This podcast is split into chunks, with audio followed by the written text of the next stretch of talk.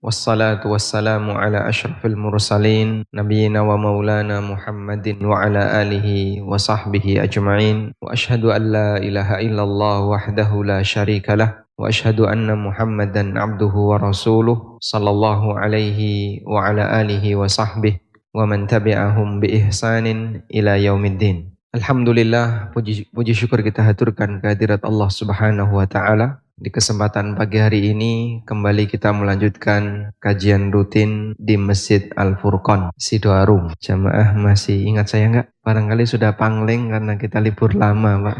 Masya Allah. Dan bocoran yang sampai ke saya bahwa pagi ini temanya bukan tafsir sholat. Gileres. Betul ya. Karena itu mohon maaf bagi jamaah yang sudah membawa buku tafsir salat berarti ditutup lagi lepuk notas benar. Ini bukan permintaan dari kami tapi dari panitia. Jadi, untuk kajian pembuka maka materi yang dibahas bukan buku tafsir salat tapi kita mau membahas materi yang lain. Yang akan kita bahas permintaannya adalah membahas tentang istiqomah pasca Ramadan bagaimana agar kita bisa menjadi hamba Allah yang selalu taat kepadanya walaupun Ramadan sudah selesai. Ada sebuah pernyataan yang sangat bagus yang ini dikutip dalam kitabnya Al-Hafidh Ibnu Rajab judulnya Lataiful Ma'arif. Saya sarankan jamaah punya kitab ini. Judul bukunya Lataiful Ma'arif Buku ini membahas tentang amalan-amalan sunnah sepanjang tahun. Sehingga dari satu bulan ke bulan yang lain ada amalan-amalan sunnah apa saja yang diajarkan Nabi SAW. Bulan Syawal itu amalan sunnahnya apa? Ya. Bulan Syawal amalan apa? Nikah. mantenan ya hajatan. Nanti Idul Ka'dah amalan sunnahnya apa, Idul Hijjah amalan sunnahnya apa. Itu dibahas secara satu-satu tiap bulan oleh Al-Hafidh Ibnu Rajab.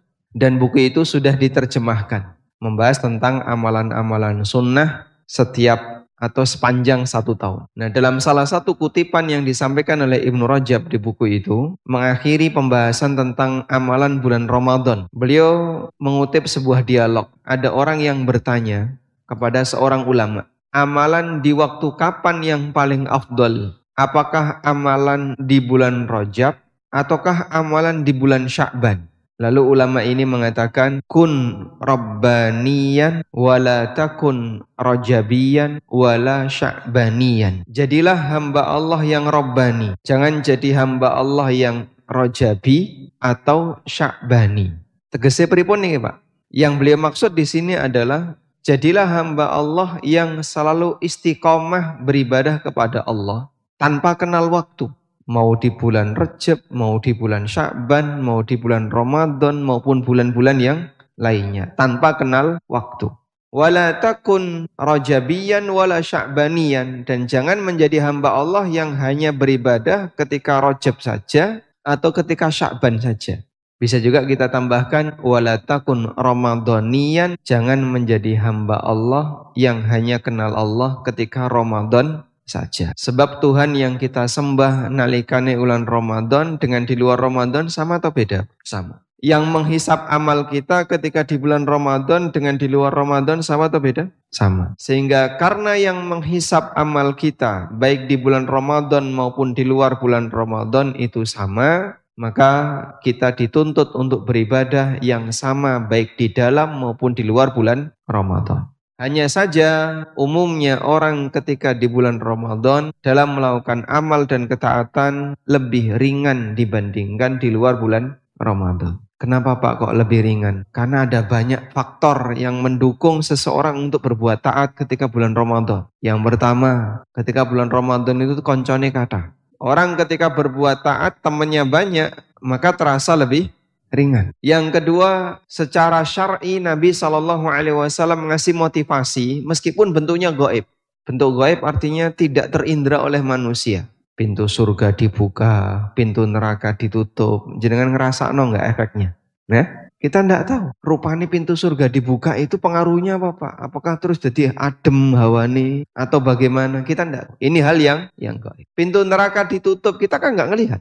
Terus suasananya jadi apa? Apakah kemudian cuacanya jadi dingin karena neraka ditutup? Kita tidak lihat. Kita tidak bisa mengindranya. Tapi itu hal gaib yang dikabarkan oleh Nabi SAW di mana seseorang tidak mungkin bisa mengetahui kecuali melalui jalur nubuah, melalui kenabian. Dan kita mengimani. Itu terjadi kapan? Ketika bulan Ramadan. Wasufidat asyayatin, setan-setan dibelenggu sehingga ketika setan itu dibelenggu, pengaruh dia untuk menggoda manusia lebih lebih kecil. Maka ketika bulan Ramadan sing biasanya ra tahu tangi wengi jadi tangi wengi. Nyun sewu. Ketika bulan Ramadan yang bangun duluan bapak atau ibu? Ibu.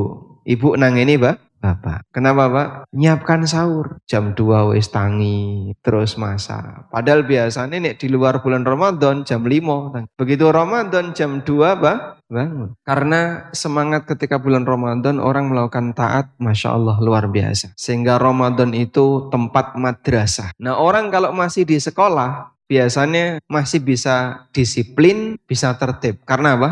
Sekolah. Tapi nih wes gak sekolah, sampai lali dino gitu. Ini dino apa ya? Dino rebu. Kenapa? Lali hari karena dia nggak nggak sekolah. Wes rang noto buku sesuai jadwal. Seperti itulah suasana yang bisa kita jumpai terkait kaum muslimin membandingkan kondisi mereka antara di luar Ramadan dengan di dalam Ramadan. Tapi sebagai mukmin yang baik, kita tidak hanya dituntut untuk menjadi orang yang taat ketika Ramadan, tapi kita juga dituntut untuk menjadi orang yang taat di luar bulan Ramadan. Ada sebuah pernyataan seorang ulama mengatakan begini. Bi'sal qaumil ladzina la ya'rifuna rabbahum illa fi Ramadan. Sejelek-jelek masyarakat adalah masyarakat yang tidak kenal Robnya kecuali nalikane bulan Ramadan. Ketika Ramadan tok keiling masjid di luar Ramadan hilang. Engko nek pas Ramadan balik meneh ning ning masjid. Sampai ini ada masjid yang tidak jauh dari rumah saya. Ya. Saya ngisi kajian rutin di situ ketika subuh.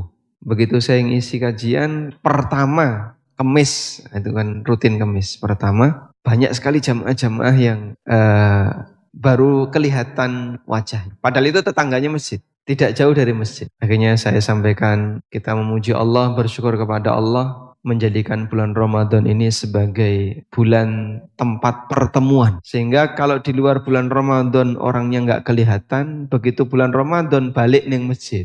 Mulai Pak, dia pulang. Dia balik ke masjid, dia pulang. Jadinya kita bisa ketemu dengan jamaah yang mungkin sama sekali tidak pernah kita lihat.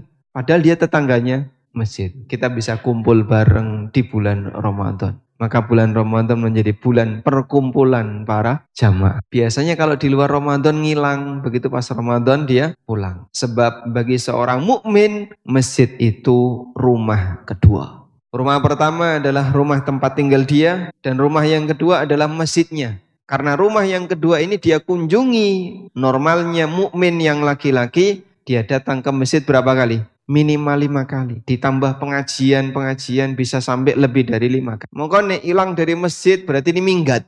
Nanti pas Ramadan mulai. Alhamdulillah. Sehingga ada bulan Ramadan membuat orang itu jadi eling balikmu mulai. Ingat kembali untuk pulang. Coba kalau tidak ada bulan seperti ini, mungkin kaum muslimin akan hilang selamanya. Maka jamaah di belakang Allah Subhanahu wa taala, seorang mukmin yang dia pendidikannya berhasil, dia akan kembali mengenang suasana Ramadan di luar Ramadan sehingga tetap balik pulang ke masjid dan tidak ngilang, bukan kemudian menjadikan masjid sebagai tempat ibadah tahunan, tapi masjid adalah tempat ibadah tempat ibadah harian. Setiap hari dia datang, besok dia datang lagi dan demikian seterusnya. Kaum muslimin yang dimulakan Allah Subhanahu wa taala, Terus bagaimana caranya agar kita bisa menjadi hamba Allah yang selalu istiqomah untuk berbuat taat kepadanya di luar Ramadan.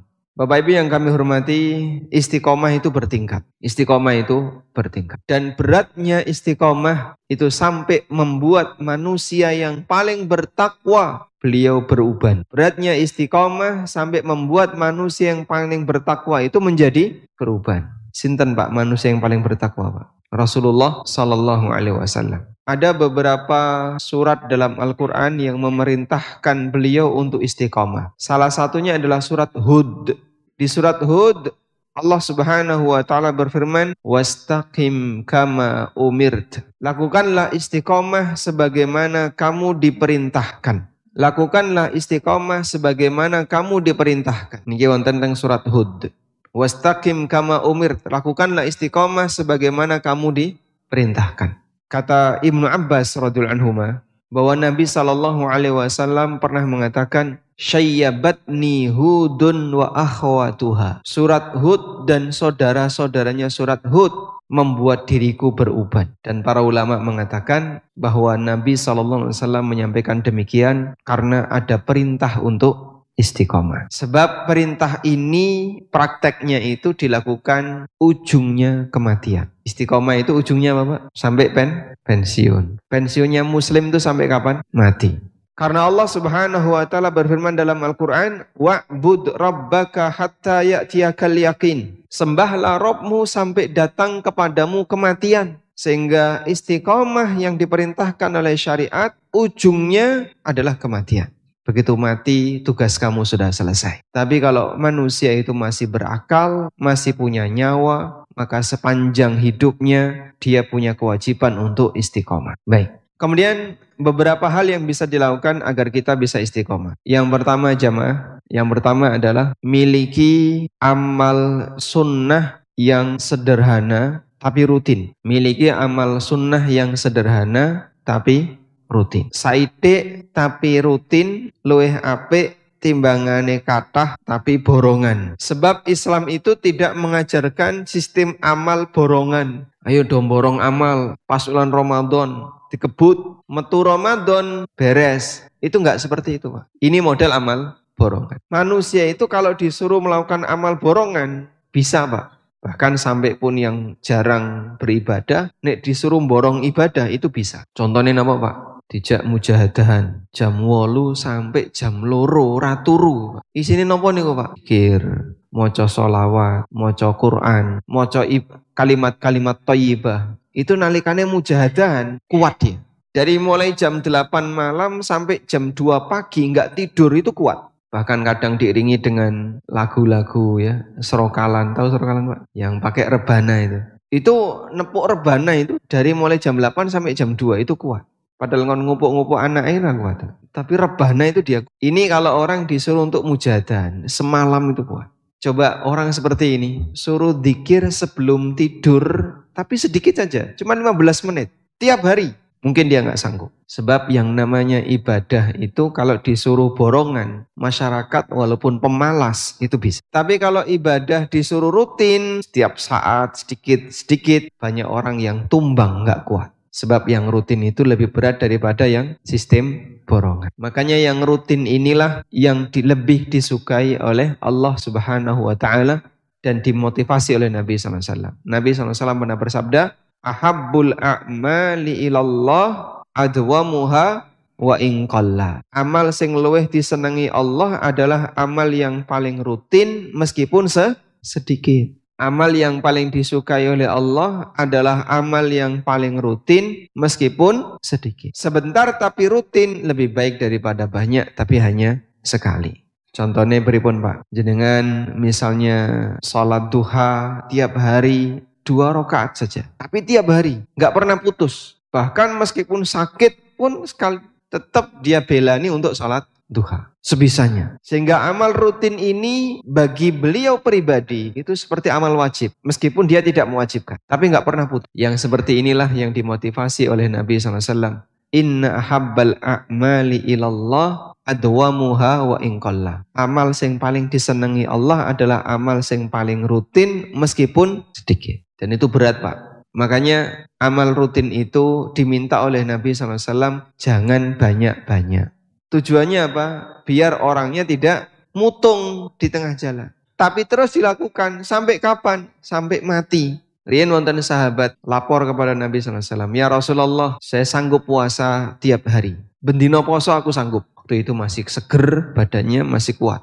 Lalu kata Nabi SAW, La soma liman daharo. Tidak ada puasa bagi orang yang puasa tiap hari. Wong nek poso tiap hari ini ku boten angsal. Nggak boleh. Karena yang namanya puasa tiap hari pasti nanti akan nabrak hari raya, akan nabrak hari tasyrik, dan itu tidak diperbolehkan. Lalu berikan kami saran ya Rasulullah. Kemudian Nabi SAW ngasih saran. Sum syahras sabri wa yaumun min kulli syahrin. Lakukanlah puasa di bulan sabar dan puasa satu hari setiap bulan. Bulan sabar niku bulan apa? Ramadan. Yang dimaksud bulan sabar dalam hadis ini adalah bulan Ramadan. Sum syahra sum syahra sabri wa yaumun fi kulli syahr. Lakukanlah puasa di bulan sabar dan satu hari di setiap bulan. Kemudian sahabat ini mengatakan, saya mampu lebih dari itu. Kalau begitu, kamu puasa tiga hari tiap bulan. Dan itu senilai seperti puasa setahun. Sahabat ini mengatakan, aku mampu lebih dari itu. Kalau begitu puasalah di bulan haram. Aku mampu lebih dari itu. Lalu Nabi SAW memberikan puncak puasa sunnah. Sum saumi Dawud wala tazid ala hada. Silahkan kamu puasa, puasa Dawud. Dan jangan kau tambahkan, jangan kau tambahkan puasa sunnah yang lainnya. Makanya para ulama mengatakan sing pun gadah poso Daud niku boten pareng poso sunnah senese Pak. Yang sudah berpuasa Daud dia tidak boleh puasa sunnah yang lain. Meskipun bertepatan dengan sembilan Hijjah. Misal ya, Idul Adha hari Kamis misalnya. Berarti hari Rabu ini apa? Rabu ini hari Arafah. Sembilan Dul Hijjah. Pas ritme Daud dia Selasa niku poso ritme Daud dia selasa poso. Berarti rebone tanggal 9 Dhul Hijjah jadinya gimana? Dia tidak puasa. Pak, boleh nggak saya puasa hari Rabu? Saya pengen puasa hari Arafah. Jenengan sudah punya puasa Daud? Nggih, kula niki rutin puasa Daud. Saya rutin puasa Daud. Baik, kalau begitu tanggal 9 Dhul Hijjah jika bertepatan dengan hari tidak puasa, tidak boleh dipakai puasa. Wah, tapi nanti saya nggak dapat keutamaan 9 Dhul Hijjah. Karena Anda sudah berada di puncak yang paling bagus. Kalau itu ditambahi, ngerusak. Dan sesuatu kalau sudah berada di posisi sempurna, maka tidak boleh ditambahi. Sempurna itu kalau ditambahi, jadinya apa? Rusak. Makanya banyak orang yang merasa heran dengan praktek adan zaitun, ya. terus solate zaitun, terus apa lagi? Eh? Khotibnya zaitun dan aneka ibadahnya orang-orang zaitun. Ya. Karena dia ngubah-ngubah. Dan syariat yang sempurna kalau diubah-ubah jadinya rusak. Maka kita kalau melihat ini bukan memperbagus tapi ngerusak. Coba adan pakai gini-gini ya, pakai isyarat itu kayak apa? Menyanyikan lagu aja, Pak. Sehingga pakai isyarat-isyarat seperti itu. Makanya kalau itu sudah berada pada berada pada posisi sempurna, ibadah itu sempurna, kalau ditambahi dia jadinya makin ngerusak. Ini sebagaimana keterangan Ibnu Hazm rahimahullah. Ketika Nabi SAW sudah menyebut bahwasanya puasa Daud adalah puasa yang terbaik, bahwa afdolus siam, puasa yang terbaik dan tidak boleh beliau tambahi, maka ketika ditambahi bukannya memperbaiki tapi makin ngerusak. Tayyip. Nah kemudian sahabat ini, nama sahabatnya adalah Abdullah bin Amr bin As. Beliau merutinkan puasa Daud itu Pak. Sampai tua. Dan ketika sudah mulai berumur, baru kerasa nyesel. Kenapa nyesal? Kenapa dia menyesal?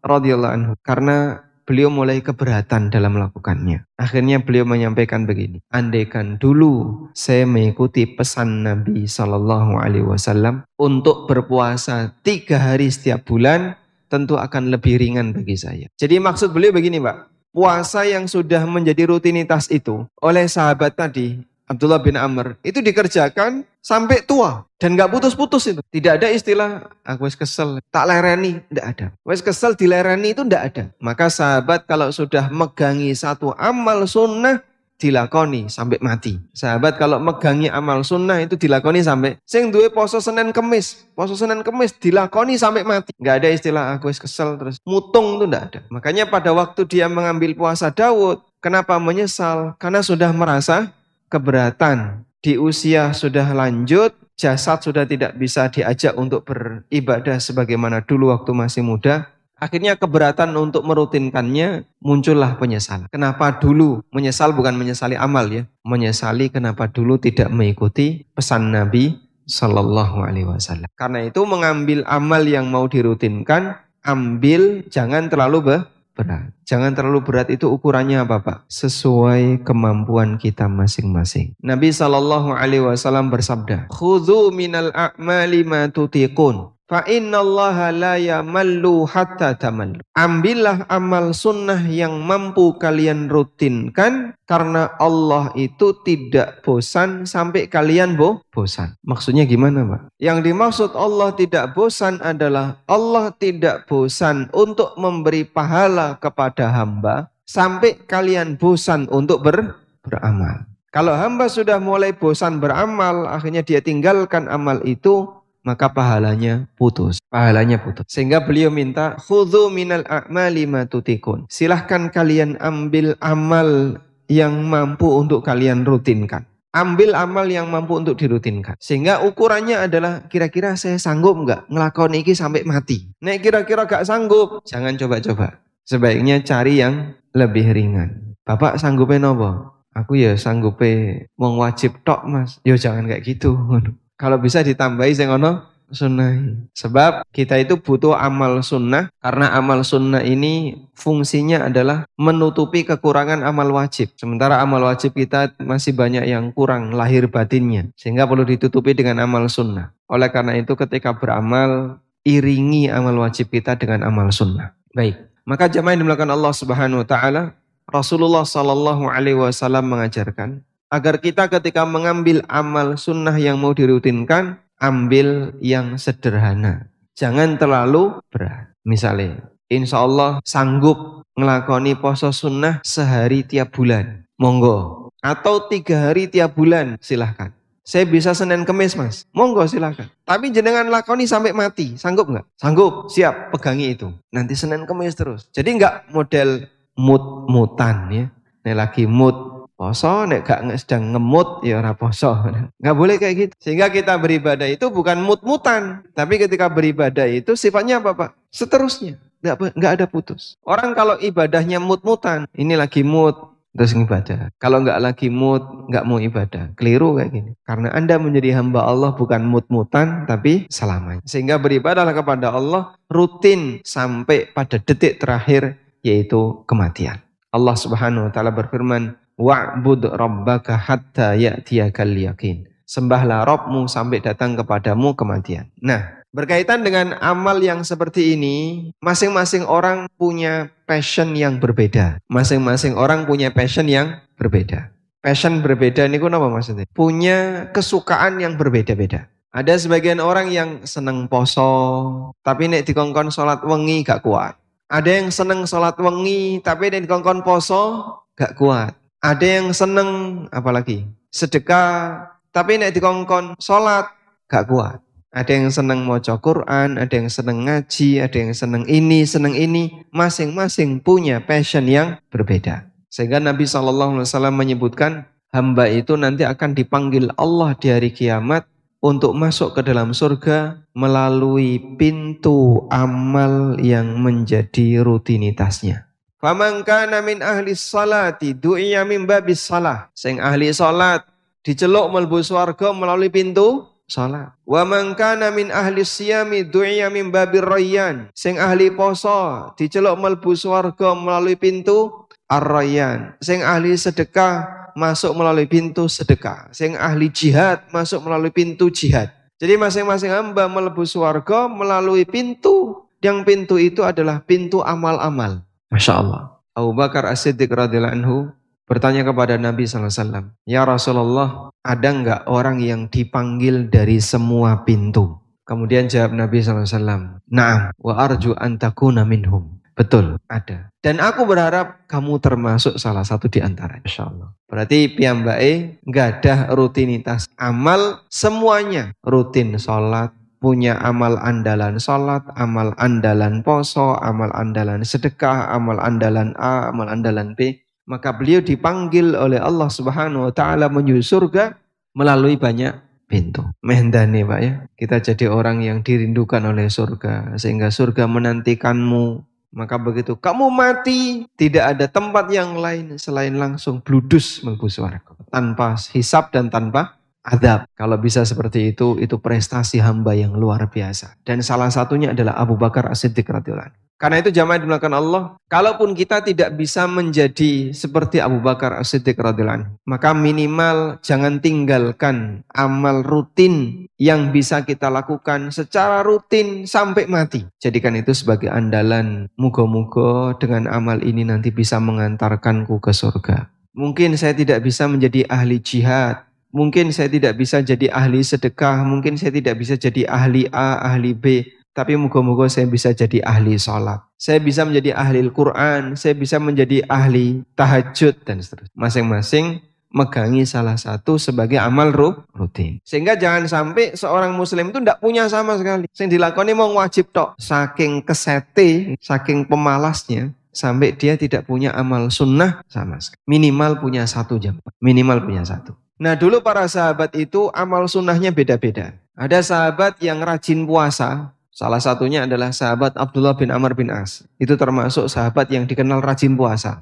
Ibnu Umar itu juga rajin puasa. Ada sahabat yang beliau lebih rajin membaca Quran dan mengajarkan Quran. Tapi jarang puasa sunnah. Ini Ibnu Mas'ud. Sampai Ibnu Mas'ud itu pernah ditanya oleh muridnya. Saya perhatikan anda ini kok jarang puasa sunnah. Kenapa? Lalu kata Ibnu Mas'ud radhiyallahu anhu, Ibnu Mas'ud itu kan orangnya kurus ya. Orangnya kurus, bukan termasuk tipe orang yang berdaging badannya. Lalu beliau ketika ditanya, kenapa kok jarang puasa sunnah? Jawab Ibnu Mas'ud, saya itu senang dengan mempelajari Al-Quran. Wa idha sumtu do'uftu. Dan kalau saya poso, saya itu jadi lemah, jadi lemes. Nek lemes, jadi gak kuat. Arab mau Quran panjang-panjang, mempelajari, menggali isi Quran itu gak kuat. Maka saya lebih milih ini daripada itu. Nah ini contoh ya. Mereka ketika beramal itu di posisi tertentu. Saya di sini, ini di sini. Masing-masing orang punya passion yang berbeda. Karena itulah Imam Malik bin Anas rahimahullah itu kan orang yang aktif ngajar hadis di mana? Di Masjid Nabawi. Piyambai aktif ngajar di masjid. Tiap hari ngajar. Lalu suatu ketika beliau mendapatkan surat dari teman beliau yang dulu waktu masih muda itu teman belajar. Nah sekarang karena sudah senior, masing-masing berada di rutinitas amal yang berbeda-beda. Teman beliau ini namanya Abdullah Al-Umari. Abdullah Al-Umari menulis surat kepada Imam Malik. Beliau sampaikan, Wahai Imam Malik, coba kamu sesekali itu datang ke daerah Suhur, Sugur itu daerah perbatasan. Dan rasakan ketenangan ibadah di sana, jauh dari hiruk pikuk manusia, tidak banyak ketemu orang. Jangan tiap hari ketemu orang terus di Masjid Nabawi. Karena beliau ngajar. Dan ketika Imam Malik ngajar kan dikelilingi oleh banyak sekali orang. Sehingga tiap hari ketemu orang. Coba kamu sesekali menyendiri, tidak banyak ketemu orang. Akhirnya dibalas surat ini oleh Imam Malik disampaikan kepada Abdullah Al-Umari. Ada sebuah pernyataan yang sangat indah dari Imam Malik. Beliau mengatakan begini. Innallaha qassamal a'mal kama qassamal arzaq. Allah membagi amal itu sebagaimana Allah membagi rizki. Ada orang yang diberi oleh Allah kemudahan untuk puasa, tapi dia tidak diberi kemudahan untuk sholat. Dan ada yang diberi kemudahan sholat, tapi tidak dimudahkan puasa. Ada dimudahkan untuk beramal A, tapi dia tidak dimudahkan untuk beramal B dan seterusnya. Tapi masing-masing itu semuanya amal. Contoh sederhananya kayak gini ya. Wong sugih ning Indonesia kathah mboten, Pak? Hah? Kathah nggih? Kathah. Orang kaya di Indonesia banyak sekali. Sampai cuci uang kan banyak sekali itu. Sampai diumbah saking banyaknya itu sampai duitnya di diumbah. Money laundry. Ya. Sehingga dari sekian banyak orang orang kaya di Indonesia yang jumlahnya jutaan, sumbernya itu sama atau beda-beda? Sumbernya beda-beda. Ada yang kaya dari misalnya dari sumber A, dari sumber B, dari sumber C, dari sumber D. Mereka masing-masing punya kekayaan dari sumber yang berbeda-beda. Tapi semuanya sama muaranya yaitu apa? Kekayaan. Dia punya rizki dari hasil sumber yang berbeda-beda. Seperti itulah contoh gambaran orang beramal. Manusia punya ganjaran tapi dari sumber yang berbeda-beda. Nah, kata Imam Malik, Allah membagi amal kepada para hamba sebagaimana Allah membagi rezeki. Masing-masing punya sumber pahala, tapi dari jalur yang berbeda-beda. Nah kita juga seperti itu jemaah. Sehingga dalam melakukan amal sunnah yang bisa kita rutinkan, itu kalau bisa sesuaikan dengan diri kita masing-masing. Cara mengetahuinya gimana Pak? Jenengan kudu ngerti cara mengenali itu. Aku ki cocoknya amal apa ya Mas? Nah, masuk jenengan buatan sakit mengenali Pak. Saya tak eling-eling. Cocoknya apa ya? Tidur itu ibadah bukan? nah jenengan harap milih turu, masuk mendino turu ya, mesti mendino turu. Sehingga Anda mungkin akan ketemu cocoknya di sini, masya Allah. Ketika sudah cocok di situ, kerjakan sampai mati. Ujungnya adalah kematian. Saya punya salah satu jamaah pak. Beliau sekarang usianya mendekati 90. Kemarin terakhir saya temui itu 85, ya mungkin 86 lah. Kita 86, 86 tahun dan beliau nggak pakai kacamata. Jadi kalau baca Quran, baca buku itu tidak pakai kacamata. Rutin datang ke tempat saya di daerah Wedo Martani, pada rumahnya itu di Kuncen, yang tidak jauh dari sini malah nih kalau Kuncen. Karena sekarang beliau itu kecelakaan kemarin, sempat uh, retak tulangnya, sehingga sempat saya ajak ke sini Pak, itu dekat dengan rumah, sudah nggak sanggup. Dulu masih bisa naik motor sendirian. Belajar di rumah saya itu belajar Nahwu Soroh di usia waktu itu 70-an tahun. Dari rumah ke tempat saya terus belajar, ya kurang lebih dua jam terus pulang. Belajar Nawusoro. Sampai satu kitab itu selesai, terus ganti buku yang lain. Buku terakhir yang kita pelajari itu Iqrabul Quran, Iqrab Al-Quran. Itu di usia 75-an tahun waktu itu beliau. Terus beliau bilang begini, waktu saya sukui, aku poso, Masya Allah. Jenengan poso Pak? Terus cerita, saya itu kalau disuruh bangun sebelum subuh, mumet sirai ngeluh, nggak kuat. Maka saya gantikan dengan puasa. Muga-muga poso niki iso ganteni karena saya tidak bisa tahajud. Masya Allah. Bapak dapat dari mana pengertian seperti ini? Dan betul seperti itu. Itulah muslim. Muslim kalau nggak bisa di kanan, dia cari posisi yang lain. Agar jangan sampai kosong semuanya. Tahajud wis raiso, poso sunnah ratau, sedekah cedel kumit medit, jihad apa meneh. Terus jenengan amale apa? Rano blas. La haula wala quwata illa billah. Andalan Anda di mana? Miliki salah satu amal yang dia bisa menjadi andalan. Jangan sampai hilang. Karena kalau hilang sama sekali, sehingga hanya amal wajib saja yang dikerjakan, itu kurang. Sebab amal sunnah itu fungsinya adalah sebagai penambal dari amal wajib. Nah itu masing-masing orang harus bisa mengenali. Seperti beliau ini, beliau bisa mengenali. Saya kalau di sini nggak sanggup, maka saya gantikan di sini. Dan ketika saya gantikan di sini, itu dilakukan secara istiqomah sampai mati. Kalau ada uzur gimana Pak? Nah ada uzur ya sebagaimana uzur yang lain. Ya, ketika ada uzur berhenti. Berhenti itu bukan karena males, bukan karena nggak mau, tapi karena Andaikan bukan karena udur, tetap lanjut. Orang seperti ini, kalaupun dia ada udur, tetap dikei ganjaran. Itulah makna dari hadis Nabi Sallallahu Alaihi Wasallam. Ida maridul abdu au safar. Kutibalahu maka mukiman sahiha. Hadis riwayat Muslim. Nalikani hamba itu sakit atau dia safar sehingga dia tinggalkan amal-amal sunnah dan amal rutin yang lainnya maka tetap dapat ganjaran sebagaimana amal ketika dia masih sehat dan dia mukim tidak safar. Sehingga nyuwun sewu nggih, bapak-bapak di sini yang paling sepuh usia berapa? 21. Oh, 21. Yang 80 ada 80, Pak. Sing nyender-nyender nih pinten nih? 80 ada? Hah? 70, 70 angkat tangan yang 70. 70 pinten, Pak? 70? 4. 74. Pas 70 pas. Ada yang 70 setengah? Masya Allah. Baik. Dalam posisi usia 70 tahun atau 80 tahun.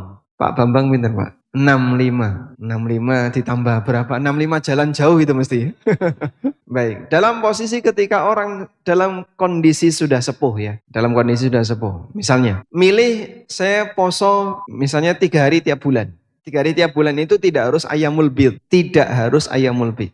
Boleh dipisah-pisah. Sehari awal, sehari tengah, sehari akhir itu boleh. Tidak harus di ayamul bid dan tidak harus berurutan. Nah, sampai di usia 75 qadarullah sakit. Dan ini sakit karena sudah sepuh ya. Onderdil nek wis tua ya. Ditunggu makin tuh tua. Wong tua niku dinteni iso mari nggak Pak? Hah? Sehingga makin ditunggu makin makin tua. Maka karena dia sudah nggak sanggup lagi di usia 75, rutinitas yang beliau lakukan sebelum usia itu insya Allah tetap mengalir pahalanya meskipun sudah di usia beliau tidak bisa beramal.